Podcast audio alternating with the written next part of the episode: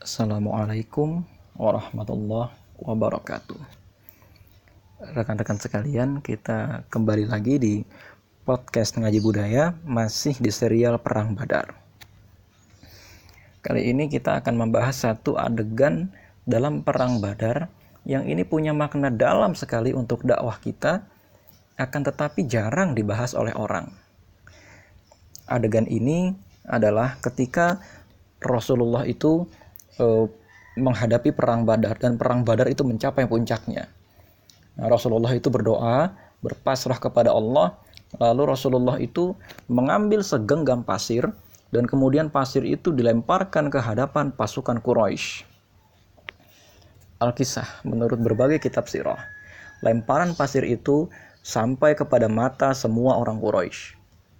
Lemparan pasir itu sampai ke seluruh tubuhnya orang-orang Quraisy sehingga tidak satu pun pasukan Quraisy pada saat itu itu tidak sibuk ya, gitu ya. Kecuali dia itu selalu sibuk untuk membersihkan matanya. Karena matanya e, terkena lemparan pasir itu. Ini merupakan salah satu mukjizat Rasulullah Shallallahu Alaihi Wasallam.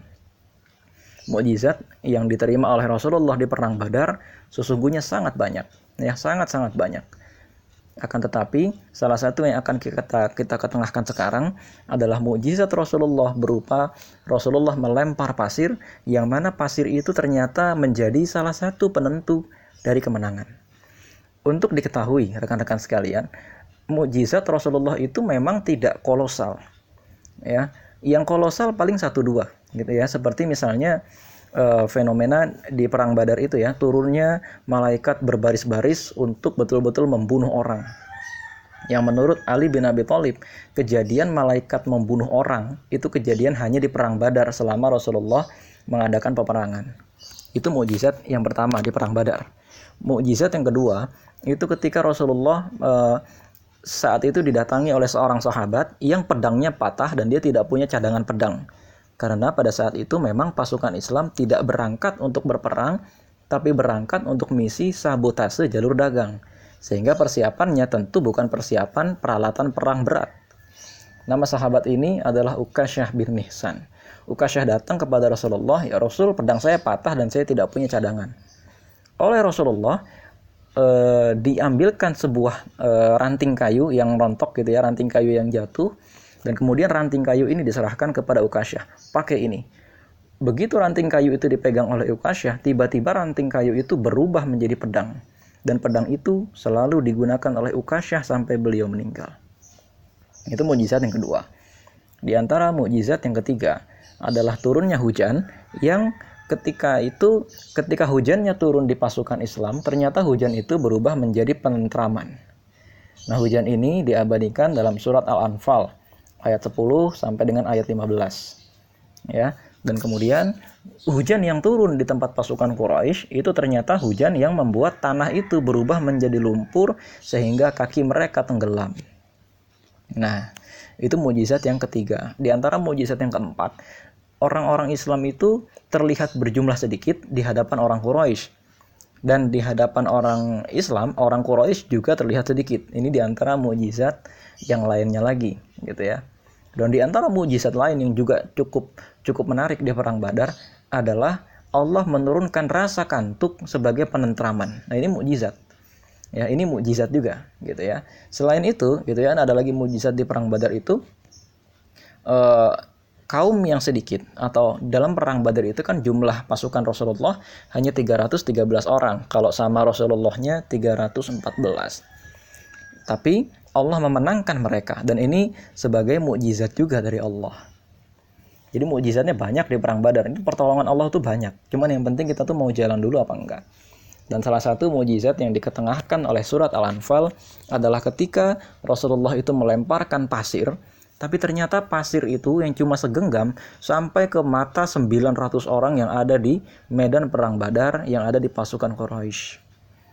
Nah, ini diabadikan oleh Al-Qur'an gitu ya dalam surat Al-Anfal ayat 17 ya. Nah, ini uh, mungkin karena jarang kita bahas ya, saya di sini akan membahasnya agak cukup detail. A'udzubillahi minasyaitonirrajim. Falam taqtuluhum walakinnallaha qatalahum wa ma ramaita iz ramaita walakin Allah rama nah waliyubliyal mu'minina minhu bala'an hasana innallaha sami'un alim maka sebenarnya bukan kamu yang membunuh mereka. Akan tetapi Allah lah yang membunuh mereka dan bukan kamu yang melempar ketika kamu melempar. Tetapi Allah lah yang melempar. Allah berbuat demikian untuk membinasakan mereka dan untuk memberikan kemenangan kepada orang-orang mukmin dengan kemenangan yang baik. Sesungguhnya Allah Maha mendengar lagi Maha mengetahui. Nah, di sini ada istilah gitu ya. E, balaan hasana. Kenapa di sini disebut sebagai kemenangan yang baik gitu ya. E, tapi itu nanti akan kita bahas tapi yang pertama-tama akan kita bahas di sini gitu ya ternyata Ibnu Katsir dalam kitab tafsirnya ketika menafsirkan ayat ini itu mengkaitkan dengan surat Ali Imran ayat 123. Walaqad nasarakumullahu bi badrin wa antum azilah. Ya. Sungguh Allah telah menolongmu dalam peperangan Badar padahal kamu ketika itu adalah wa antum azillah. Kamu ketika itu adalah orang-orang yang lemah. Itu kalau menurut Ibnu Katsir. Jadi sebetulnya begini yang mau dibicarakan uh, oleh Allah dalam ayat ini kata Ibnu Katsir. Allah itu ingin mengajarkan kepada kita bahwa faktor penentu kemenangan bukan pada banyaknya personil, bukan karena memakai baju besi atau peralatan yang lengkap. Tapi kemenangan itu tidak lain tidak bukan datang dari Allah saja. Nah, itu dulu, itu kita ketengahkan itu dulu.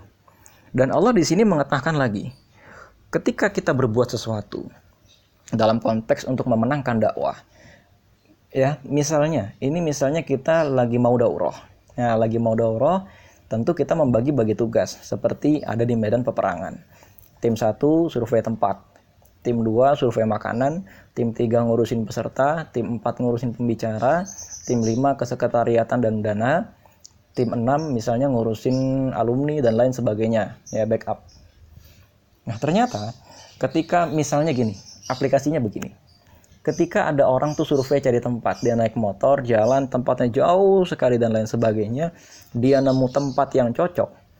Ya, ternyata pada saat itu Allah lah yang mencarikan tempat buat kita. Sehingga apa? Sehingga daurah kita itu berhasil. Tempatnya baik atau buruk itu kita yang uh, menilai. Tapi ternyata sebetulnya Allah lah yang menetapkan tempat itu buat kita. Meskipun kelihatannya seadanya. Kita kan kebanyakan gitu ya, kebanyakan di antara kita itu uh, kurang ikhlas atau kurang tulus gitu ya. Ketika ternyata kondisi daurah itu seadanya saja.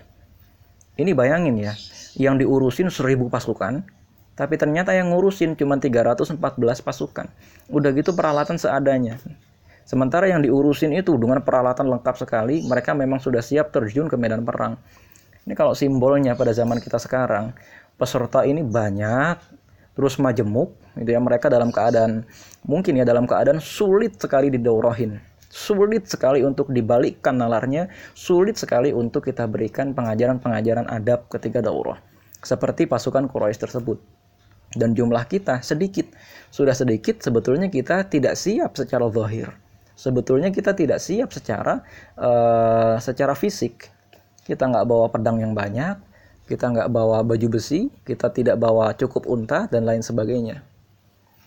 Tapi ternyata di sini, ketika kita mencari tempat daurah saja, itu sebetulnya Allah yang mencarikan. Ketika kita misalnya masak konsumsi gitu ya, itu sebetulnya Allah juga yang memasakkan. Ketika Allah mengutus orang-orang yang akan menjadi donatur buat kita. Sadar nggak kita sebetulnya yang bekerja itu mekanisme langit. Yang bekerja itu sesungguhnya adalah mekanisme alam goib di atas sana. Jadi pesan dari mukjizat Rasulullah yang ini adalah pertama, ketika kita mengadakan sesuatu, jalan aja dulu. Ya, jalan aja dulu, nggak usah mengeluhkan kondisi kita yang serba tidak ada, tidak usah mengeluhkan kondisi kita yang serba kurang, tidak usah mengeluhkan uh, jumlah pasukan musuh yang sangat banyak. Berbuat saja dulu karena sesungguhnya ketika kita melempar, Allah lah yang melempar. Menurut Ibnu Taimiyah dalam kitabnya Al-Furqan Baina Awliya Allah wa Awliya Syaitan. ayat ini itu sering digunakan oleh orang-orang tasawuf untuk mewujudkan atau untuk memperlihatkan betapa ketika seorang hamba itu perbuatannya itu menjadi perbuatan Allah. Nah, ini ini perkataan yang cukup cukup pelik untuk dipahami. Nah, jadi ini level paling tinggi ketika seorang hamba itu betul-betul sudah menyelaraskan keinginannya dengan keinginan Allah sehingga seakan-akan perbuatannya itu itu Allah yang berbuat melalui tangan dia. Ah, ini tidak sederhana, ya.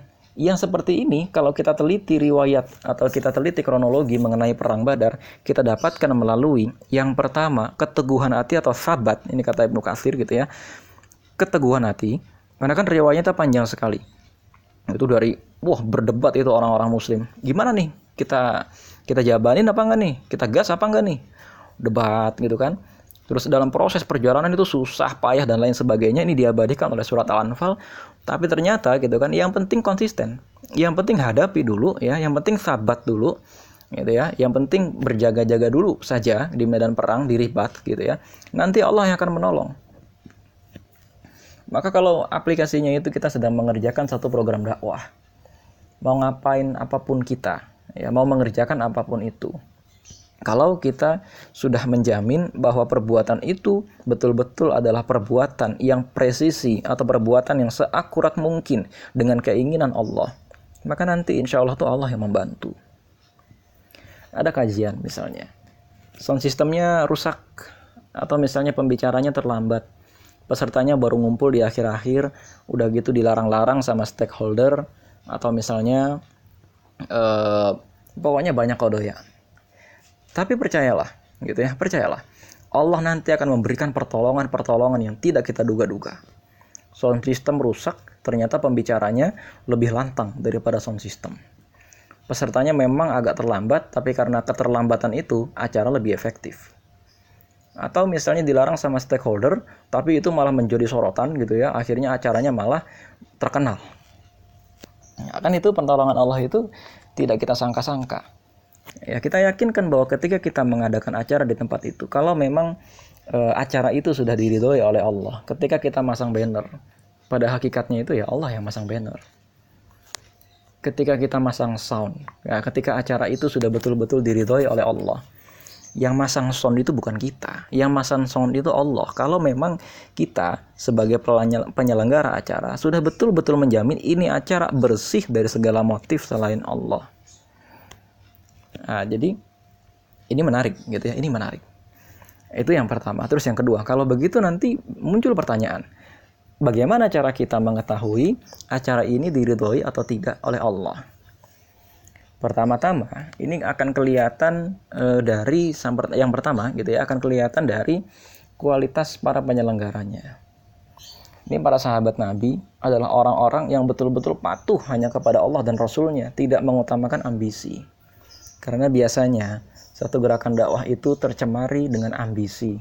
Sehingga ketika kiadah atau ketika pimpinan membagi-bagi tugas kecampur dengan ambisinya sehingga tidak menempatkan orang yang tepat pada pekerjaan yang tepat. Tapi memasukkan unsur suka atau tidak suka. Itu yang pertama, ambisi.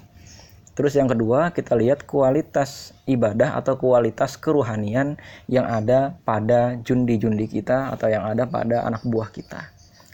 Yang ada pada jamaah kita.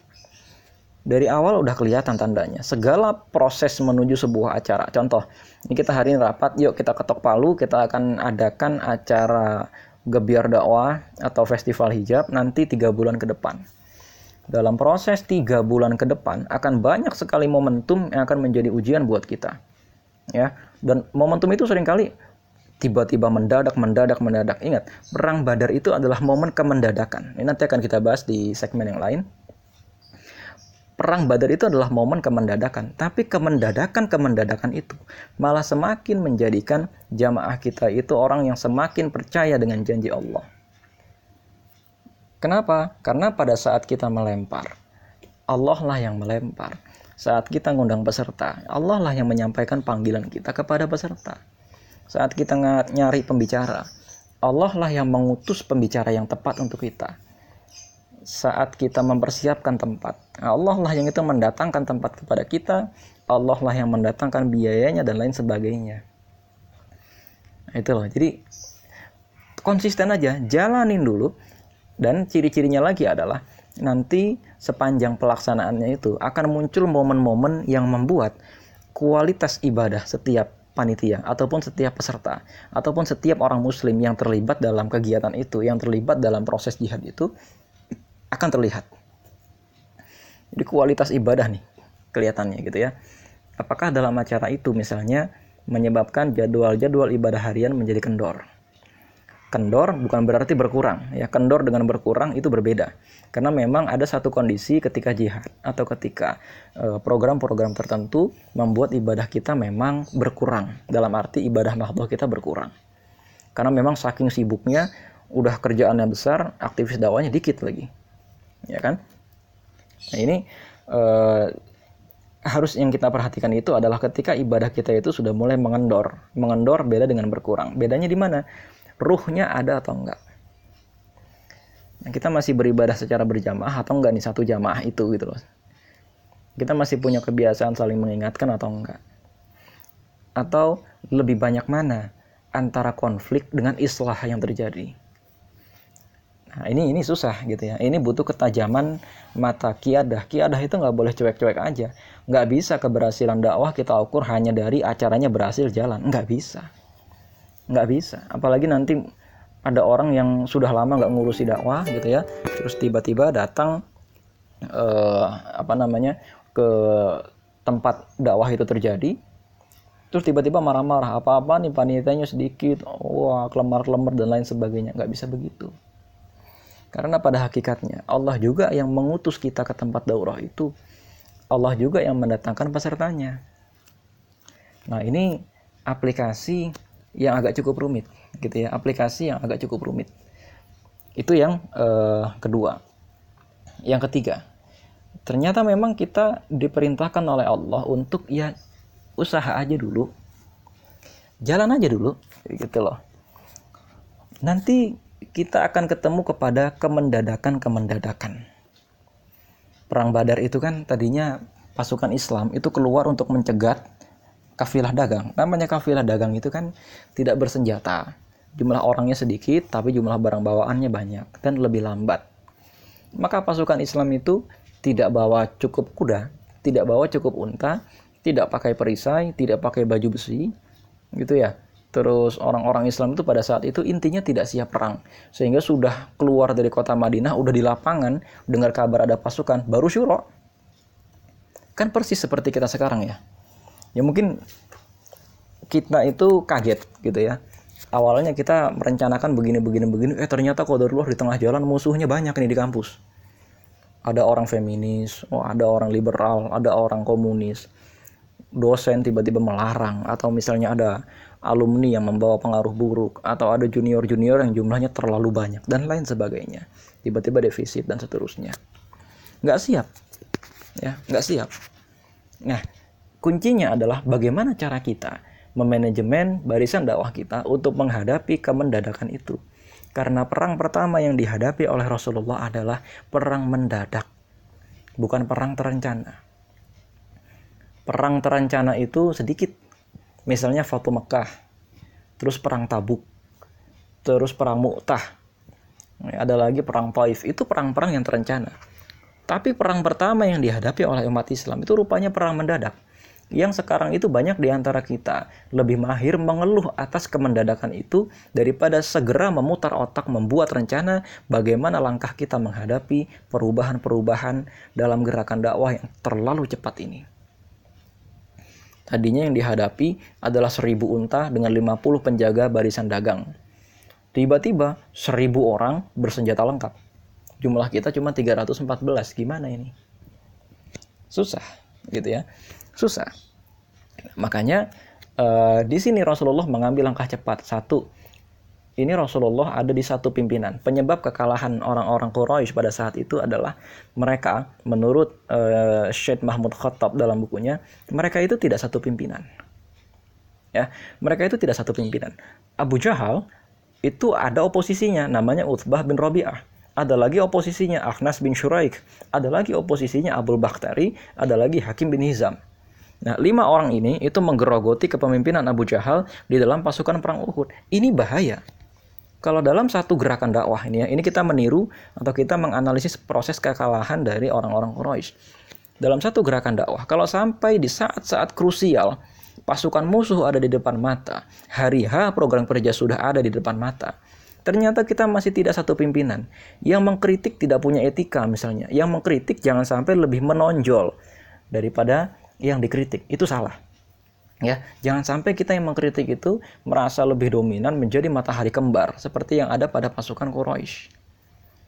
Nah, ini nanti akan mengakibatkan mental pasukan itu lemah, mental pasukan itu down. Nah, itu loh. Sementara di pihak pasukan Rasulullah menghadapi kemendadakan itu, Rasulullah itu tetap pimpinannya di bawah Rasulullah.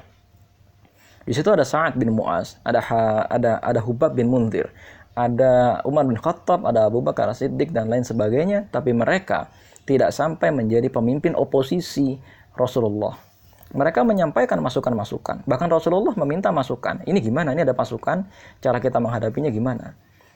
Tapi para sahabat Nabi tetap punya etika untuk tidak menjadi oposisi penting bagi kita untuk menghadapi kemendadakan ini untuk tidak memecah belah barisan. Nah, ciri-ciri terpecah belahnya barisan adalah ketika ada yang mengancam tidak ingin ikut ke dalam program sebagaimana ancaman Utbah bin Rabi'ah kepada Abu Jahal. Nah, ini terlihat dari jawaban uh, Miqdad bin Amr gitu ya ketika Rasulullah bertanya kepada pasukan Al-Muhajirin. Ini ada pasukan seribu di depan kita. Ya, terus sikap kalian gimana? Mikdad akhirnya menjawab, kami tidak akan menjawab sebagaimana jawaban Bani Israel kepada Musa saat Musa e, menyatakan perang akan terjadi. Apa jawaban Bani Israel? Kamu pergilah dengan Tuhanmu berdua sana, kami akan duduk dari sini menunggu hasilnya. Kami akan menjawab, kami akan bersamamu dan pergilah, majulah, kami akan maju di belakangmu. Wah ini dahsyat sekali jawabannya Miqdad bin Amr berbeda jauh dengan jawaban Akhnas bin Syuraik atau jawaban uh, dari Uthbah bin Rabi'ah kepada Abu Jahal. Ini dari sini saja kita bisa belajar bahwa kesatuan itu penting. Jangan sampai di antara kita ketika kemendadakan itu ada di depan mata. Ketika ketiba-tibaan itu akhirnya benar-benar datang kepada gerakan dakwah kita. Di antara kita ada yang memecah belah barisan dan mengancam saya tidak ingin ikut kalau rencana ini diteruskan. Nah, omongan-omongan semacam ini yang biasanya menyebabkan kekalahan. Ya, oposisi, oposisi yang tidak hati-hati.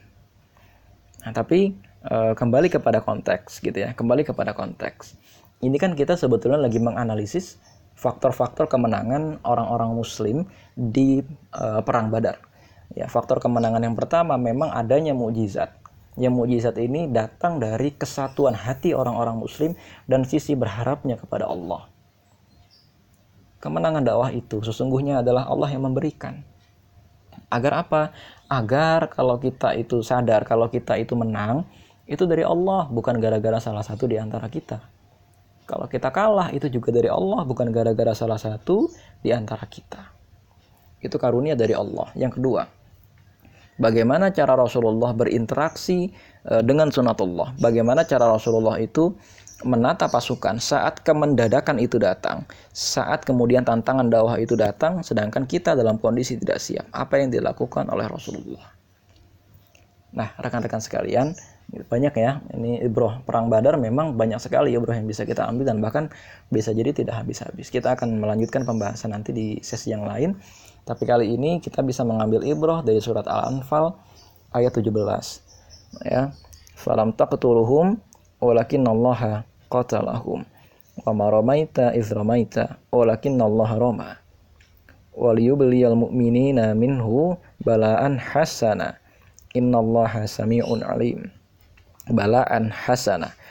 Ya, eh, kemenangan yang baik Artinya kemenangan yang betul-betul menyebabkan orang muslim itu sadar bahwa ini semua datangnya adalah dari Allah saja. Assalamualaikum warahmatullahi wabarakatuh.